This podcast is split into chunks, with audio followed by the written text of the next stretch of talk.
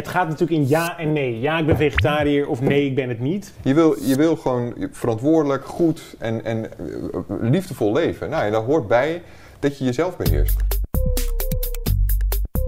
Hoi en welkom bij Denkstof. Elke aflevering bespreken wij een thema dat ons bezighoudt.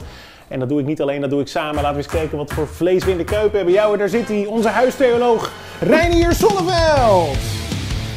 Wat zie jij eruit, man? Goed hè? Ja, je bent, je bent Ah. goed tekeer geweest. Ik ben goed tekeer geweest. Eh, ook voor de Engelse kijkers trouwens. Meet Reinier Sonneveld. Meat. Het is Engels Ja. meat, vlees. Meat en dan... We gaan het over vlees hebben. En Gaan we dan het over vlees hebben? Tweetalig grapje. Dat is gewoon goed. Reinier, eh, of je dit nou een leuke intro vindt of niet, dat zal mij een worst wezen. Eh, ik denk vooral, waarom hangen hier stukken vlees? Wat heeft dit te maken met Ja. geloof? Dit was ooit een kip en die is gewoon geschapen door God, hè?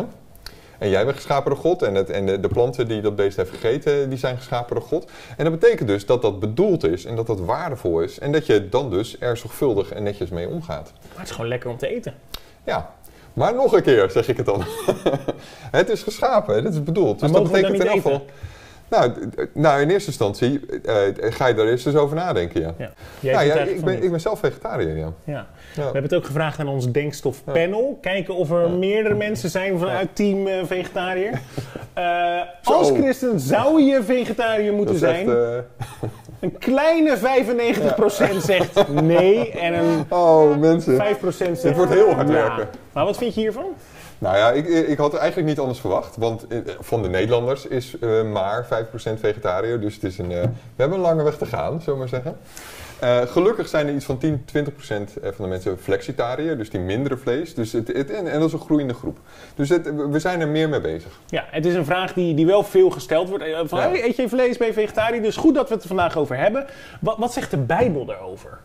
Nou, eh, er is eigenlijk maar één echte discussie in de Bijbel over vlees eten. En die, nou ja, daar, daar zegt Paulus op een gegeven moment dit. Stel dat ik het geloof van een ander in gevaar zou brengen door het vlees dat ik eet. Weten jullie wat ik dan zou doen? Dan zou ik helemaal nooit meer vlees eten. Oké, maar als ik een stukje vlees eet, dan Ja. breng ik jouw geloof toch niet in gevaar? Ja, de situatie is dan dat eh, er waren toen nog heel veel van die echte afgoden, hè, de Zeus en Jupiter. En er werd vlees aan geofferd. En de rest daarvan, een soort gebarbecued vlees, gewoon lekker goed vlees, dat kon je op de markt kopen. Oh. Nou, Paulus zegt dat is geen enkel probleem, want die goden bestaan toch niet, dus dat kun je gewoon eten en kopen. En, eh, dus dat mag gewoon. Alleen er waren een aantal medegelovigen die ooit die Zeus en Jupiter hadden gediend. En die raakten daarvan in de war. Die dachten van, hè, bestaan die dan toch nog? Of en hoe zit dat? En is God, de echte God niet boos op mij? En Paulus merkte dat en dacht van ja, als dat gebeurt, ja dan, dat wil ik niet. Ik wil niet dat mijn broeders en zusters eh, in de problemen komen, in de war raken, ook al hebben ze eigenlijk geen gelijk. Laat ik dan zelf minder of geen vlees eten. En nou, je, je zou er een aantal links in kunnen leggen. Dus je zou kunnen zeggen dat nog steeds eigenlijk vlees wordt geofferd aan de goden. Alleen dan de goden van de efficiëntie en de economie en de luxe. Hoe bedoel je dat dan? Want dat snap ik niet. Nou ja, weet je, er zijn een aantal dingen heel erg belangrijk. Als, als iets het allerbelangrijkste in je leven is, dan is het dan een soort God voor je. Nou, op het moment dat je niet wil dat daar iets aan gebeurt, dus eh, van nee, daar mag je niet aan komen, dan, ja, dan weet je dat het een soort God voor je is. Wat er gebeurt is dat er miljarden dieren elk jaar eh, in de industrie er doorheen gaan, waar we op een manier die vaak lijden. eh, en waar we op een manier het maar niet over hebben. Want ja, dat burgertje en dat kippetje is zo lekker. Nou ja, dat is een soort offeren. En nog steeds zie je, er lijden gewoon veel dieren in de industrie, zeker met echt goedkoop vlees. Eh, al het vlees, ook biovlees, is slecht voor het, is slecht voor het klimaat. Hè? Dus er komt CO2 in de lucht. En eh, we, we weten allemaal dat, eh, dat het klimaat aan het veranderen is, dus dat de aarde warmer wordt. En daarbij is het ook gewoon goed om op een aantal vlakken, dat is voor mij een heel belangrijke reden om geen vlees te eten. Het is gewoon goed om op een aantal vlakken je te beheersen. Het gaat natuurlijk in ja en nee. Ja, ik ben vegetariër of nee, ik ben het niet.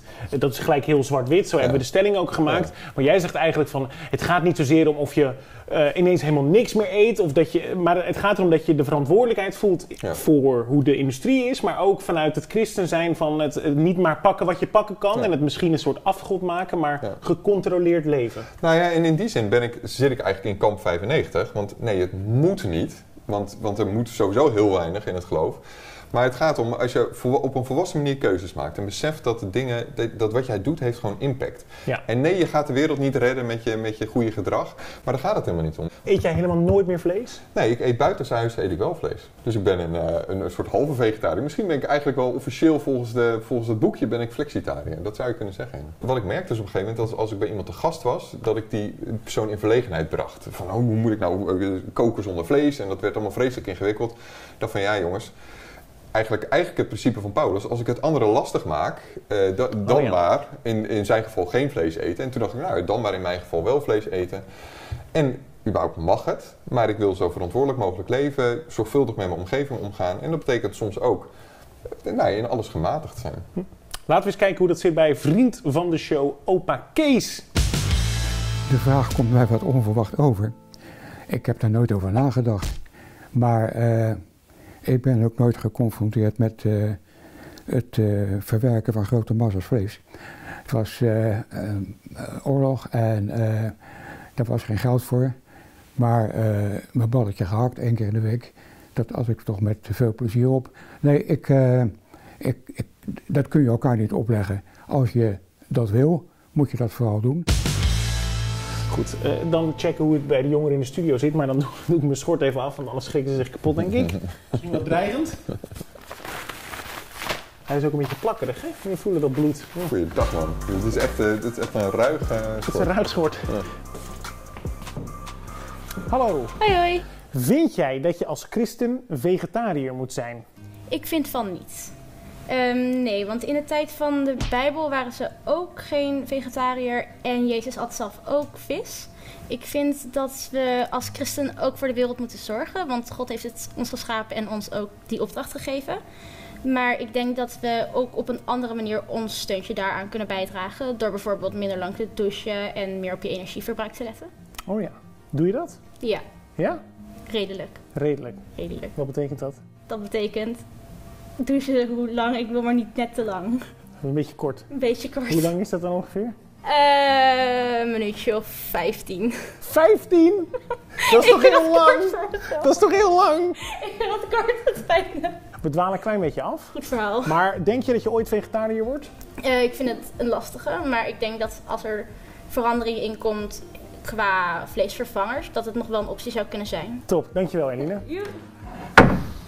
Hallo, vind jij dat je als christen vegetariër moet zijn? Nee, maar ik vind het wel een beetje dubbel. Wat vind je dubbel? Omdat ik niet denk dat je als christen echt een regel aan moet hangen van je moet dit of dat. Maar ik vind wel dat we een verantwoordelijkheid hebben als christenen om goed voor de aarde te zorgen. Er zijn ook mensen die zeggen, ja, maar er werden in de Bijbel ook offers gebracht en vlees gegeten, dus dat lijkt me dan vrij duidelijk. Ja, maar we leven niet meer in de tijd van de Bijbel. Ik denk dat we inmiddels met de kennis die we inmiddels hebben vergaard wel weten wat echt de vleesindustrie met de aarde doet en Mhm. met dieren doet. Ik eet nu ongeveer één dag in de week vlees, omdat het ook gewoon heel duur is. Dankjewel. Hallo, Hey, vind jij dat je als christen vegetariër moet worden? nee, dat vind ik niet. Oké, en waarom niet? Omdat eh, in de Bijbel staat dat God ook de dieren heeft gegeven aan de mensen. En de dieren die moeten er ook zijn om eh, rond te lopen op de aarde. Maar ik vind ook dat je de dieren kan gebruiken om te eten. Oké, dus, dus dat heeft God zo bedoeld, zeg jij. Ja, ik denk dat je er zelf voor kan kiezen. Het is een keuze die je wel of niet maakt. Maar ik zelf vind niet dat het per se eh, belangrijk is om dat als christen te doen. Oké, dankjewel.